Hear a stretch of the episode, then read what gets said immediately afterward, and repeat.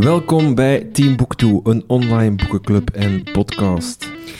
We zitten nog steeds in ons kot natuurlijk. Al mogen we af en toe wel eens naar buiten om te gaan zwaaien naar onze vrienden of ons mama en papa.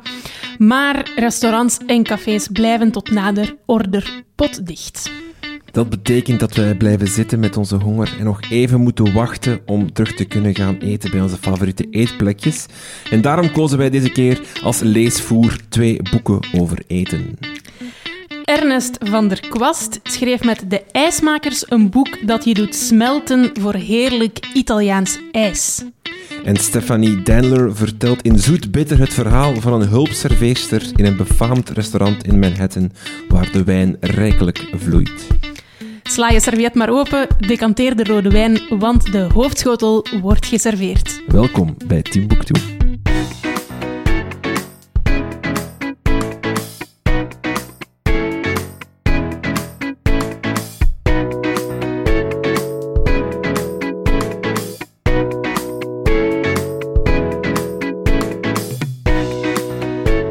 Maar eerst het nieuws. Eh, moet ik beginnen? Ja. Ja, we hebben de voorbije dagen het eh, literaire nieuws een beetje eh, in het oog gehouden.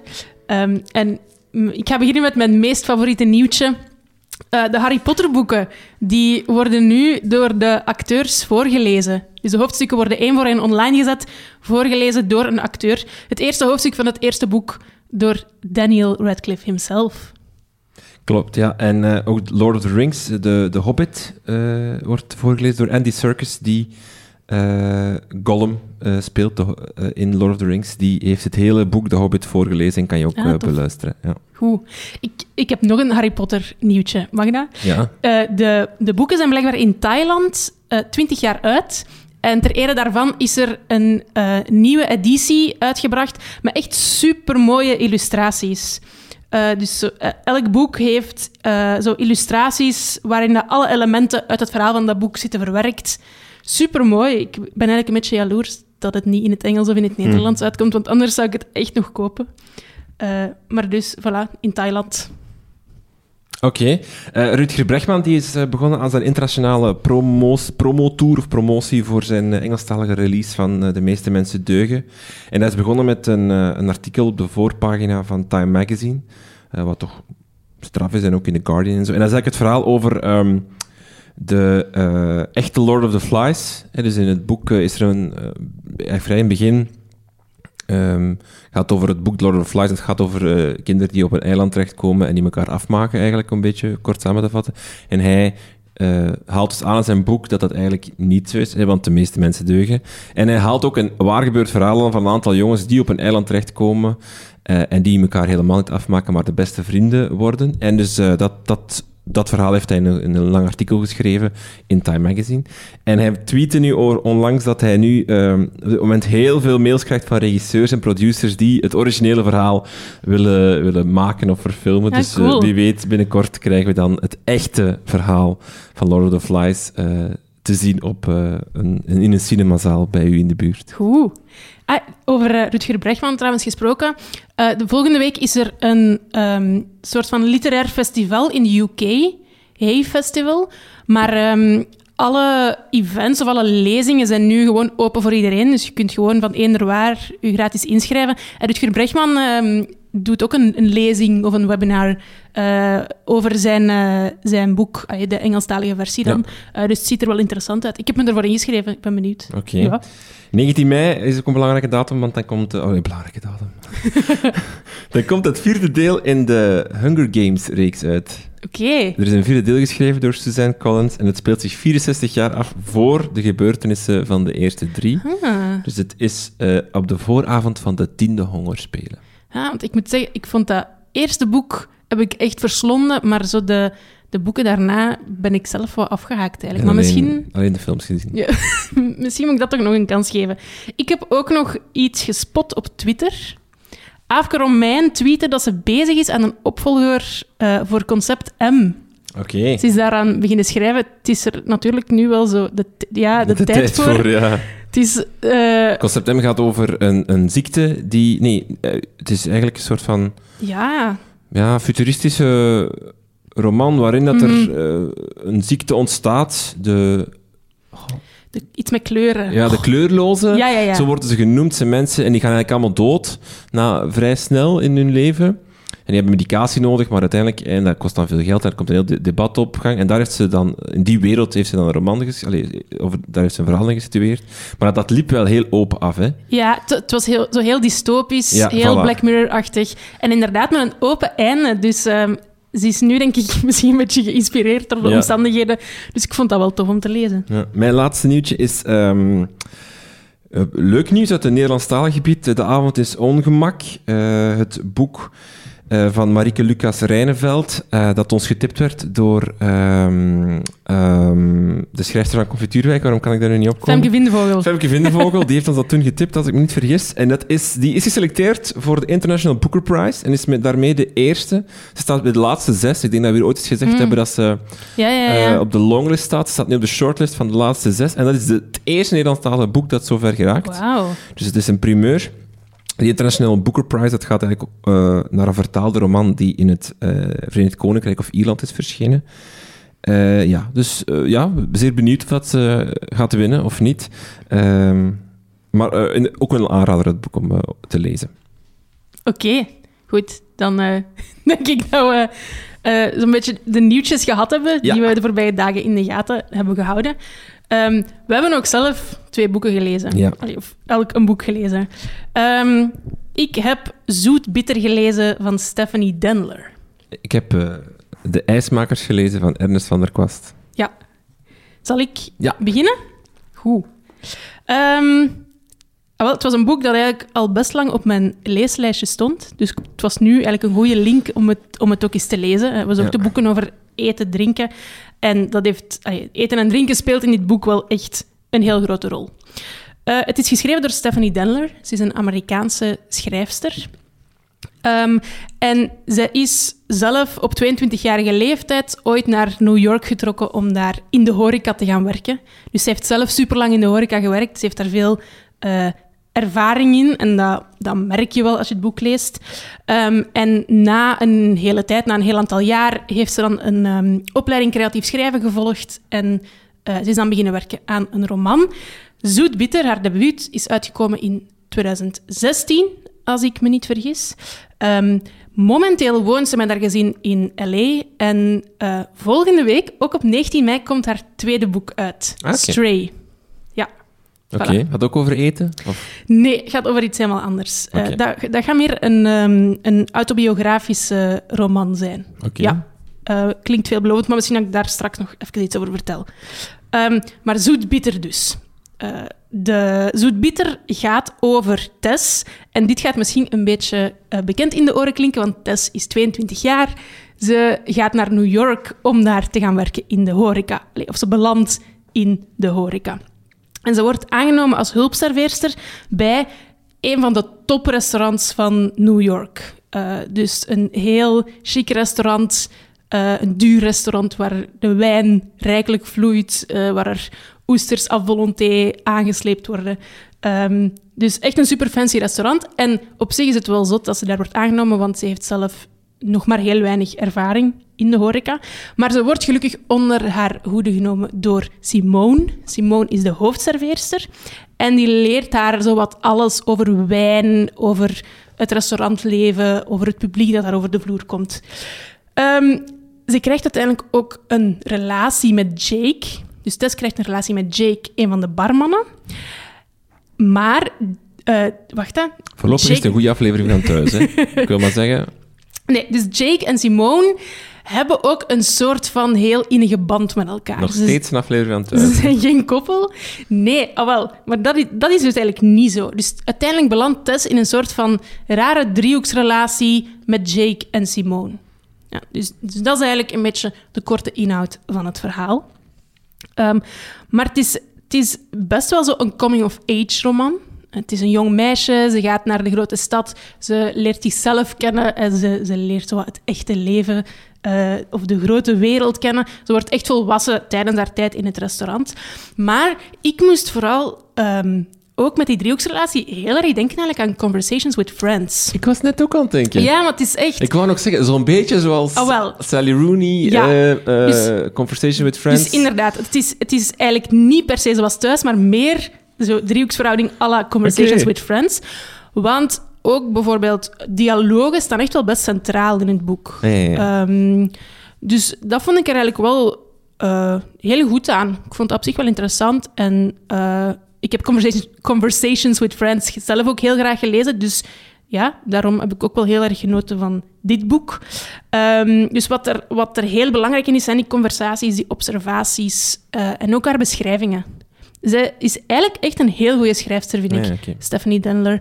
Zij, ik, soms kan ik dat zo hebben in boeken, dat ik, dat ik zo het gevoel heb van... "Goh, hier worden zo te veel vergelijkingen gebruikt om iets te vergelijken. Zo, eh, iets was als iets anders. Maar dat doet zij supergoed, vind ik. Ik vind haar vergelijkingen keigoed. Ehm bijvoorbeeld, wat had ik zo had opgeschreven... ehm, op een bepaald moment schrijft ze iets van... eh, ze hoorde de auto's langsrijden als een schaar die door papier gaat. Zo...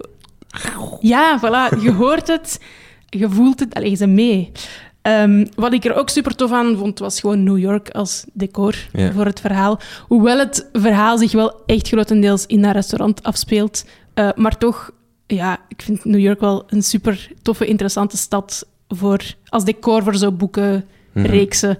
Dat verveelt mij nooit eigenlijk. Dus eh, ja, dat is, ik vond er eigenlijk wel heel veel dingen Mhm. heel goed en heel fijn aan. Is het eh, een, een, een binge-boek? Moet je het in één trek uitlezen? Of, of eh, is het er traag van tempo? Ja, wel, Zoals een goed glas rode wijn moet mousserend, eh wel allebei een beetje eigenlijk. Het is, zo, het is geen super plotgedreven boek, want het is niet dat er zo heel veel plotwendingen in zijn. Ook een beetje Conversation with Friends. voilà, ja. echt waar. Ehm, Een beetje Amerikaanse versie van Conversation ja, with Friends. misschien wel. Ja. Maar dus je wilt wel blijven verder lezen. Eh, want je wilt ook wel weten van hoe, ehm, hoe evolueert die relatie nu? Eh, wat gaat er nu uiteindelijk gebeuren? Ehm, hoe evolueert Tess zich? Eh, want in het begin is ze echt zo het kneusje, het onhandige meisje dat overal in hun weg loopt. Uiteindelijk heeft ze zo superveel zelfvertrouwen en eh, ja, staat ze er echt of zo? De- Komt ze echt op dat recht in, in die functie, in haar restaurant, met die mensen, met haar collega's? Ehm, en het is ook zo dat er een reeks van gemaakt is. Ah, oké. Dus Sweet Bitter is eh, uitgekomen ja. in 2018. Stephanie Denler heeft er zelf aan meegewerkt. Eh, en er zijn twee seizoenen uitgekomen. Het is niet meer vernieuwd voor een derde seizoen. Oh. Ik heb het zelf nog niet gezien, want het is niet beschikbaar op een platform dat wij hier in België En kunnen wij doen bekijken. niets illegaal. Dus sorry, beste luisteraars. Maar hier stopt het voor ons. Nee, het is Stars. Of zo. Ik had er zelf eigenlijk nog nooit van gehoord. Maar dus het is helaas niet of moeilijk te bekijken in België. Dus ik kan er zelf eigenlijk ja, niet, veel, eh, niet veel over zeggen verder. Nee, oké. Er zijn ook wel een paar dingen die ik wat minder vond aan het boek. Ehm, bijvoorbeeld, er wordt eigenlijk heel weinig stilgestaan bij waarom dat Tess thuis vertrekt. Het, is echt, het- boek begint op het moment dat zij alles achterlaat. Ze woont ergens in een klein stadje in Amerika. Ze laat alles achter en ze rijdt naar New York. Waarom dat ze dat juist doet, of wat dat, allee, wat dat juist haar drijfveer daar is, daar wordt ze misschien iets te weinig bij stilgestaan. Ehm, en wat ik ook wel soms moeilijk vond, is dat er wel heel veel personages in het boek zitten. Zo heel veel personages aan de zijlijn, die ook wel zo best op elkaar lijken, waardoor ik soms zo niet meer goed wist van wie, welke hulpserveerster Ja. is er nu weer aan het woord? Of over wie gaat het nu weer? Ehm, dus ja, dat, dat vond ik iets minder. Ehm, en als laatste misschien, op, op bepaalde momenten is er zo plots zo'n soort van stream of consciousness stuk in, waarbij ik dan niet goed begreep van, is dit nu vanuit haar eigen perspectief? Wie is hier nu aan het woord? Waar gaat dit over? Het zijn zo drie of vier korte passages waarvan ik denk, goh, dat kon eigenlijk voor mijn part geskipt worden. Allee, dat, dat was voor mij geen meerwaarde in het verhaal. Maar bon, dat is al echt een detail. Ehm, wat ik ook weer jammer vond, maar dat hebben we hier al vaker besproken, is de cover van het origineel is veel mooier dan die van de Ja. Nederlandstalige versie. Ik heb de Nederlandstalige versie gelezen en ik vind, op basis van die cover zou ik denken, goh, dat is, dat is zo een chick flick. Eh, terwijl ik de originele cover veel mooier vond. En eh, dat is trouwens ook wel bij Stray, dus bij haar nieuwe roman. Die cover is zo zilver holografisch. Zo, ja, die reflecteert zo wat. Ah. Zo puur al voor die cover zou ik het boek eigenlijk willen kopen.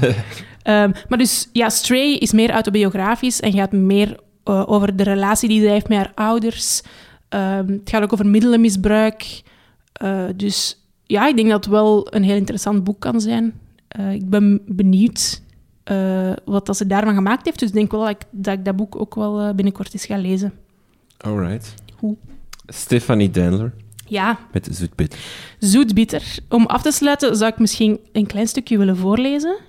Ehm, want dus wat dat ze supergoed doet, is zo de beschrijving van eten en van smaken. Ehm, en ze, ze beschrijft ook zoet en bitter in het boek. Dus dat stukje wil ik nog eventjes voorlezen. Zoet, korrelig, in poedervorm. Bruin, traag als honing of stroop. De suikers in de melk die een laagje in de mond leggen. Ooit, toen we nog wild waren, veroorzaakte suiker een roes. Het eerste verdovende middel waar we naar hunkerden en in zwolgen. We hebben het getemd, verfijnd, maar het sap van een perzik gutst nog steeds als een vloedgolf binnen. Bitter. Altijd een beetje onverwacht. Koffie, chocola, rozemarijn, citrusschilletjes, wijn. Ooit, toen we nog wild waren, waarschuwde bitter ons voor vergif. Bij elke nieuwe ontmoeting aarzelt de mond nog steeds weer even. Wij sporen hem aan. Schik je ernaar, geniet ervan. Voilà, Zoetbitter door Stephanie Denler. Alright, top. Dan eh, eh, even terug naar het eh, Nederlandse taalgebied. Naar Ernest van der Kwast, die de IJsmakers heeft geschreven. Ik heb het boek gelezen. Het is geschreven dus door onze goede vriend Ernest. Die is geboren in India, in Bombay. Oké. Leuk weetje. Maar het is dus een, een, een Nederlander. Hij woont en werkt beurtelings in Nederland en Italië. Eh, wat eh, nog wel zal blijken uit dit boek. Eh, hij debuteerde in 2005 met de roman Soms zijn dingen mooier als er mensen klappen. Ook wel een coole titel vind. Ehm, en dit boek, De IJsmakers, is uit 2015. En zijn bekendste boek is Mama, Tan, Mama Tandori sorry, uit eh, 2010. Dat is eigenlijk een beetje zijn doorbraak geweest. Daar was hij ook genomineerd voor de NS Publieksprijs. En dus dit boek, De IJsmakers, is uit 2015. Eh, meer heb ik niet te vertellen over Ernest eh, van, der, van der Kwast. Ik ken hem niet, dus dat is moeilijk. Ehm, het boek gaat over een familie ijsmakers. Eh, een Italiaanse familie ijsmakers uit, eh moet even kijken, uit welk stadje is dat nu weer al? Uit Venas di Cadore. Daar wonen ze. En het gaat eigenlijk over vijf generaties ijsmakers. Dus het eh, ehm, eh, ehm, het, wordt telkens doorgegeven van vader op zoon. En ze hebben dus een ijssalon in Rotterdam. En ze gaan dus ehm, zes maanden eh, doen ze daar open. En dan gaan ze weer een paar maanden in Italië wonen. Dus het is dat soort van, van leven. En we, het, verhaal wordt verteld vanuit de ogen eh, van Giovanni Talamini. Dus de Talamini-familie waar het over gaat. En Giovanni is dus de vijfde generatie eh ijsmaker. Allee, dat was de bedoeling toch, maar hij heeft een ander pad gekozen. En het wordt in de ik-persoon geschreven, dus echt wel een soort van persoonlijk relaas.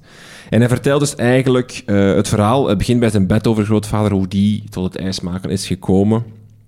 Eh, en dan eh, vertelt hij eigenlijk niet zo heel veel over zijn overgrootvader en zijn grootvader. Gewoon over hoe dat zijn grootvader, denk ik, overlijdt, wordt even aangehaald. Maar dan gaat het eigenlijk voornamelijk over dus zijn vader en hemzelf. Want hij zelf is een beetje een dissident. Hij kiest niet voor het ijsmaken. En hij gaat de poëziewereld in. Hij wordt redacteur en later directeur van een groot poëziefestival. En eh, zijn broer, hij heeft gelukkig wel een broer, die wordt dan, eh, gaat de zaak wel overpakken.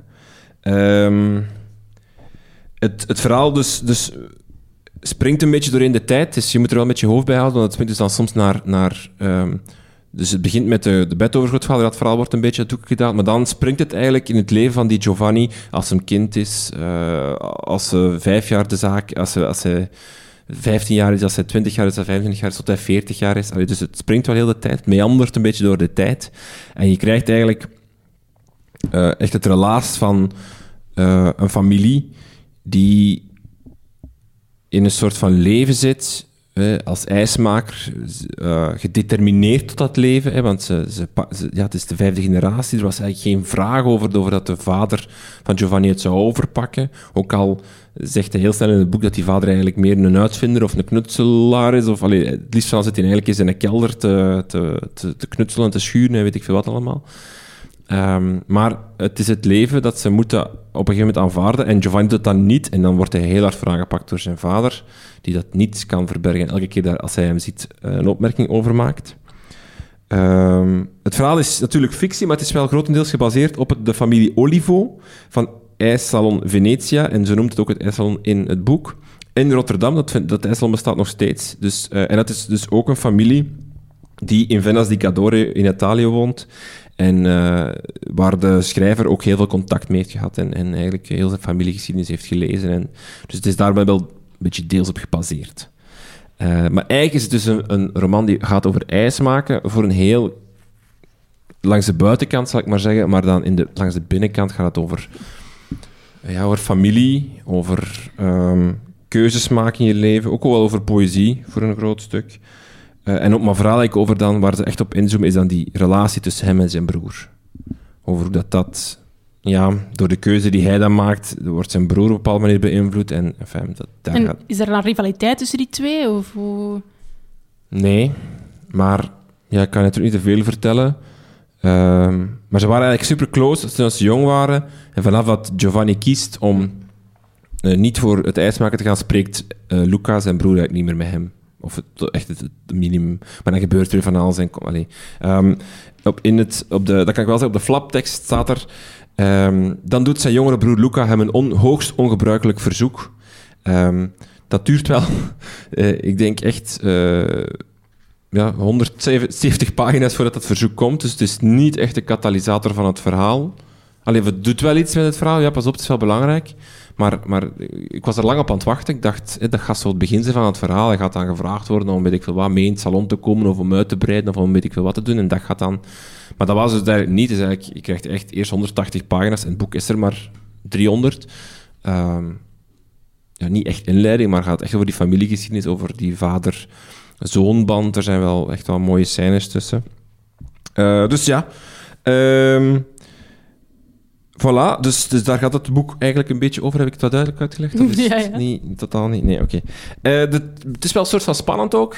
Uh, een soort van spannend. Ja, wel in de zin van, doordat hij zo door met die tijd speelt hè, en meandert mm. door de tijd, uh, kan hij wel zo bepaalde ballonnetjes oplaten en dan die pas over tien bladzijden beantwoorden. Niet dat dat storend is of zo, maar en dat verzoek van die broer, je weet dat dat komt en dat duurt dan eventjes en dan um, geeft hij dat verzoek en dan is dat wel zo, oh, en dan doet hij toch weer eerst een, een hoofdstukje uit het, het, verleden en dan pas. Dus hij, hij weet wel de lezer te binden om eigenlijk te blijven lezen. Um, het is dus, want het is echt wel... Uh, ik vind het echt wel een heel goede schrijver, uh, Ernest van der Kwast. Hij kan wel echt emoties oproepen en... en ja, uh, het, het leuke vind ik hieraan, dus het is eigenlijk een soort van combinatie van poëzie en Allee, niet dat hij poëzie schrijft, maar, maar dus de werelden zijn poëzie en ijs. Maar hij laat die wel heel mooi vermengen met elkaar. Omdat hij op bepaalde momenten beschrijft hij het ijs maken of het proeven van het ijs. En dat is bijna poëzie, hoe hij het beschrijft. Dat is wel, wel heel tof. Dus het, het is wel echt een heel, heel goede schrijver. Um, een, een echt een, wel een leuk boek. Eén minpunt vind ik. Um, maar dat is moeilijk om uit te leggen. Het is wel heel hard een mannenboek. Het gaat over mannen. Het gaat over die broer en over Giovanni en over zijn vader en over die zijn vader. En de vrouwen zijn de, de randfiguren in het leven die, die, die ze moeten veroveren. En als ze die veroverd hebben, dan gaan die mee in de ijssalon staan. Maar wat dat die een reden daarvoor is of waarom... De moeder bijvoorbeeld van, van Giovanni, ja, die speelt een beetje een bijrol. Allee, die, dus dat, dat vind ik wel, wel, wel een beetje jammer. Nu, dus het mist een soort van sterk vrouwelijk personage. Ja, het zit er een klein beetje in, maar ook dat vind ik dan weer... Maar dat is, de moeilijkheid zit hem bij dit boek En op deze materie is dat de ik-persoon geschreven is. Dus je krijgt relaas door de ogen en, en, de woorden van Giovanni. Dat is een mannelijk perspectief. Um, dus bijvoorbeeld, um, wat er heel hard in zit ook, is, is, is ja, het objectiveren van vrouwen bijvoorbeeld. Elke vrouw die passeert, geen vier regels later, staat er het over, over die haar borsten bijvoorbeeld. Het, zit wel heel hard in zo'n soort van ja, de vrouw beschrijven aan de hand van uiterlijke kenmerken en dan over, over haar wulpsheid beginnen of over haar vormen beginnen. Um, als je bijvoorbeeld op Goodreads ook gaat kijken, het boek is ook in, in, uh, in het Engels verschenen, dan krijg je daar ook een heel aantal scherpe recensies op daarover. Over, eh, nog geen tien pagina's verder, dan moet al over de borsten van, van een vrouw beginnen. Die, en, en dat doet hij wel echt regelmatig. Um, en dat, dat, dat, dat, dat, stoorde mij ook een beetje. Dus dat gekoppeld aan het feit dat, er, dat die vrouwen eigenlijk geen echte eigen verhaal hebben, maakt het voor mij een soort van minder relevant boek. Allee, maar ligt het dan ook niet aan de thematiek? Want het, het fenomeen van iets van vader op zoon doorgeven is toch iets wat dat tot nog niet zo lang geleden wel echt een norm was.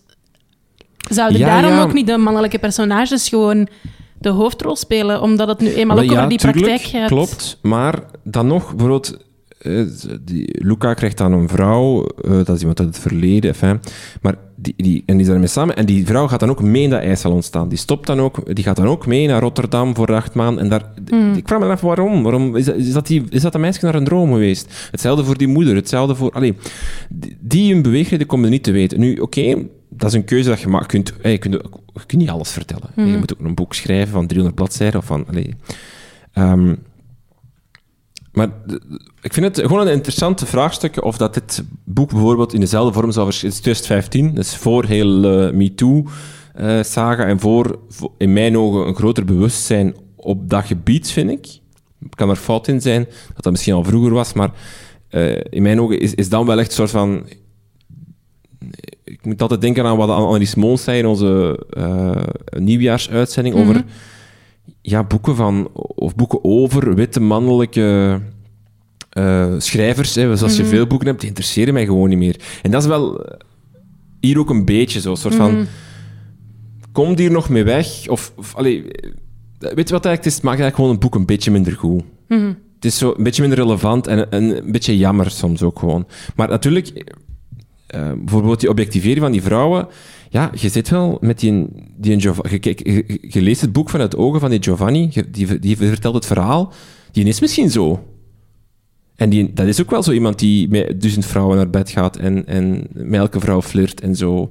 Maar dan kun je de vraag stellen: is dat dan de beste keuze om je hoofdpersonage zo op te bouwen in deze tijd? Is dat dan het meest interessante of mhm. relevante? Of, maar goed, het is een moeilijke maatschappelijke discussie, vind ik. Maar het is ook op Goodreads, echt, moet maar eens kijken, echt heel veel. Allee, of in op de eerste bladzijde al direct drie, vier recensies van één ster, één ster. Uh, allee, dus mm -hmm. ik vind dat is wel... De meningen zijn verdeeld. Ja, voilà. Neemt niet weg dat het wel... Allee, wat, ik, wat ik wil hier niet Ernest van der Kwast stempelen of weet ik veel wat. Het is uiteindelijk een verhaal dat hij vertelt vanuit een ik-persoon, dus dat is sowieso gekleurd, veel mm. meer gekleurd dan dat je een, een alwetende verteller hebt of zo. Dan kun je nuance insteken in, mm. nu is het een ik-persoon. En hij schrijft wel echt heel goed. Het is wel echt, ik, uh, ik ga hier een stukje voorlezen over de eerste keer dat uh, de, groot, de bed over grootvader uh, ijs maakte, dus de, de starter. En dan hoor je wel hoe dat hij erin slaagt om, ja, om, om het ijs maken naar poëzie brengen. Wat dat heel grappig is, want het is eigenlijk constant in het boek een clash tussen poëzie en ijsmaak, omdat de, de jongste zoon, of de, de opvolger, zal ik maar zeggen, van de vijfde generatie, kiest voor de poëzie en niet voor het ijsmaken. En dat is wel, dat is wel leuk. Giuseppe klopte het eigeel en de suiker tot een bijna witte massa. Hij wist niet precies wat hij deed. Hij volgde blind de stappen van het recept van Massimiliano. Vermeerder beheers het eiermengsel met de melk en breng het geheel tegen de kook aan. Het was moeilijk om beheerst te blijven. Hij wilde alles juist heel snel doen.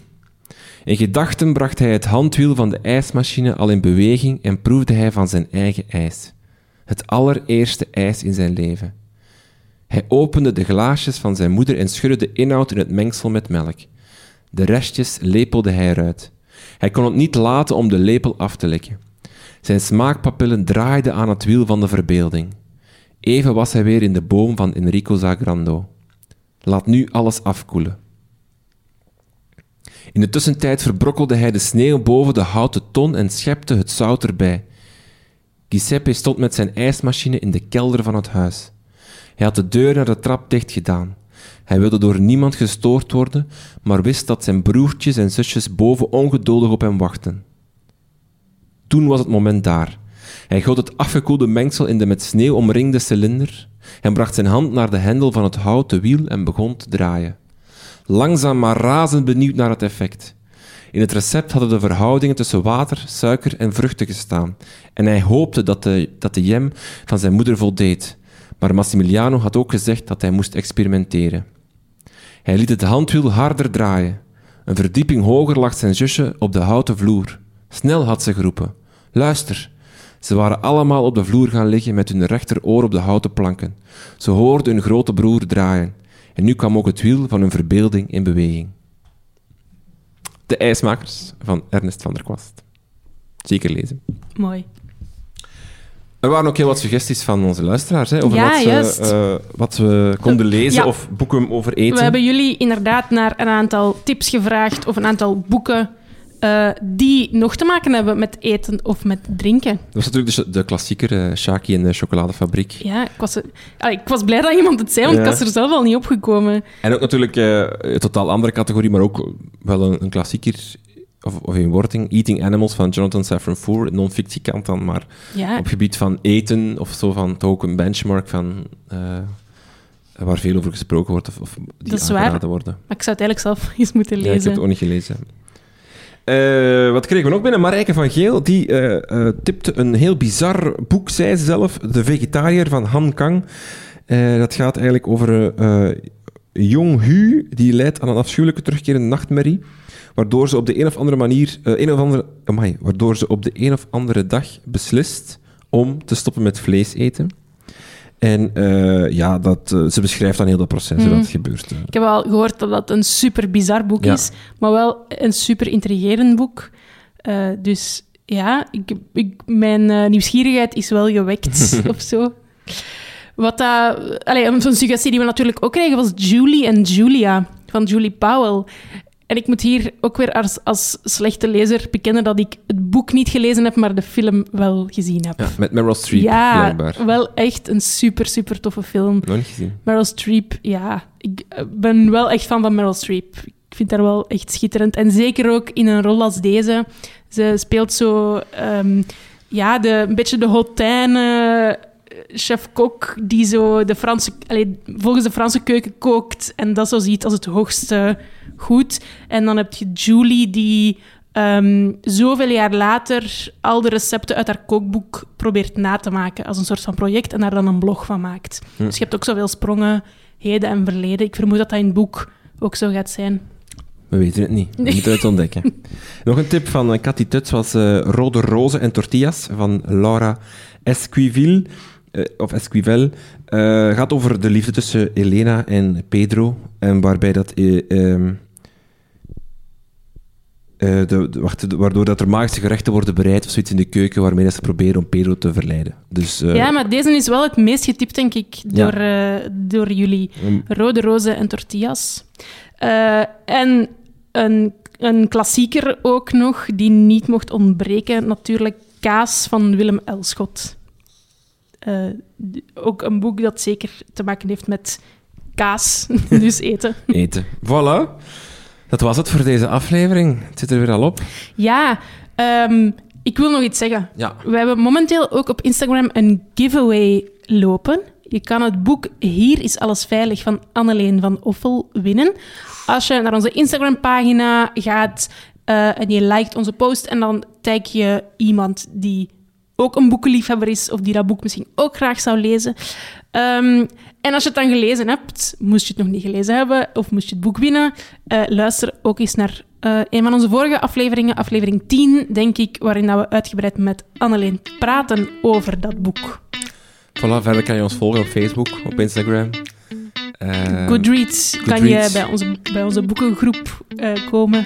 Abonneer je op deze podcast via Spotify, Google Podcast, Apple Podcast. Laat een recensie achter, dat is altijd tof. Ehm, dan weten wij wat we fout doen of goed doen. En dan eh, vinden ook andere mensen de podcast gemakkelijker. Voilà. Goed, Dank voor het luisteren. tot volgende keer.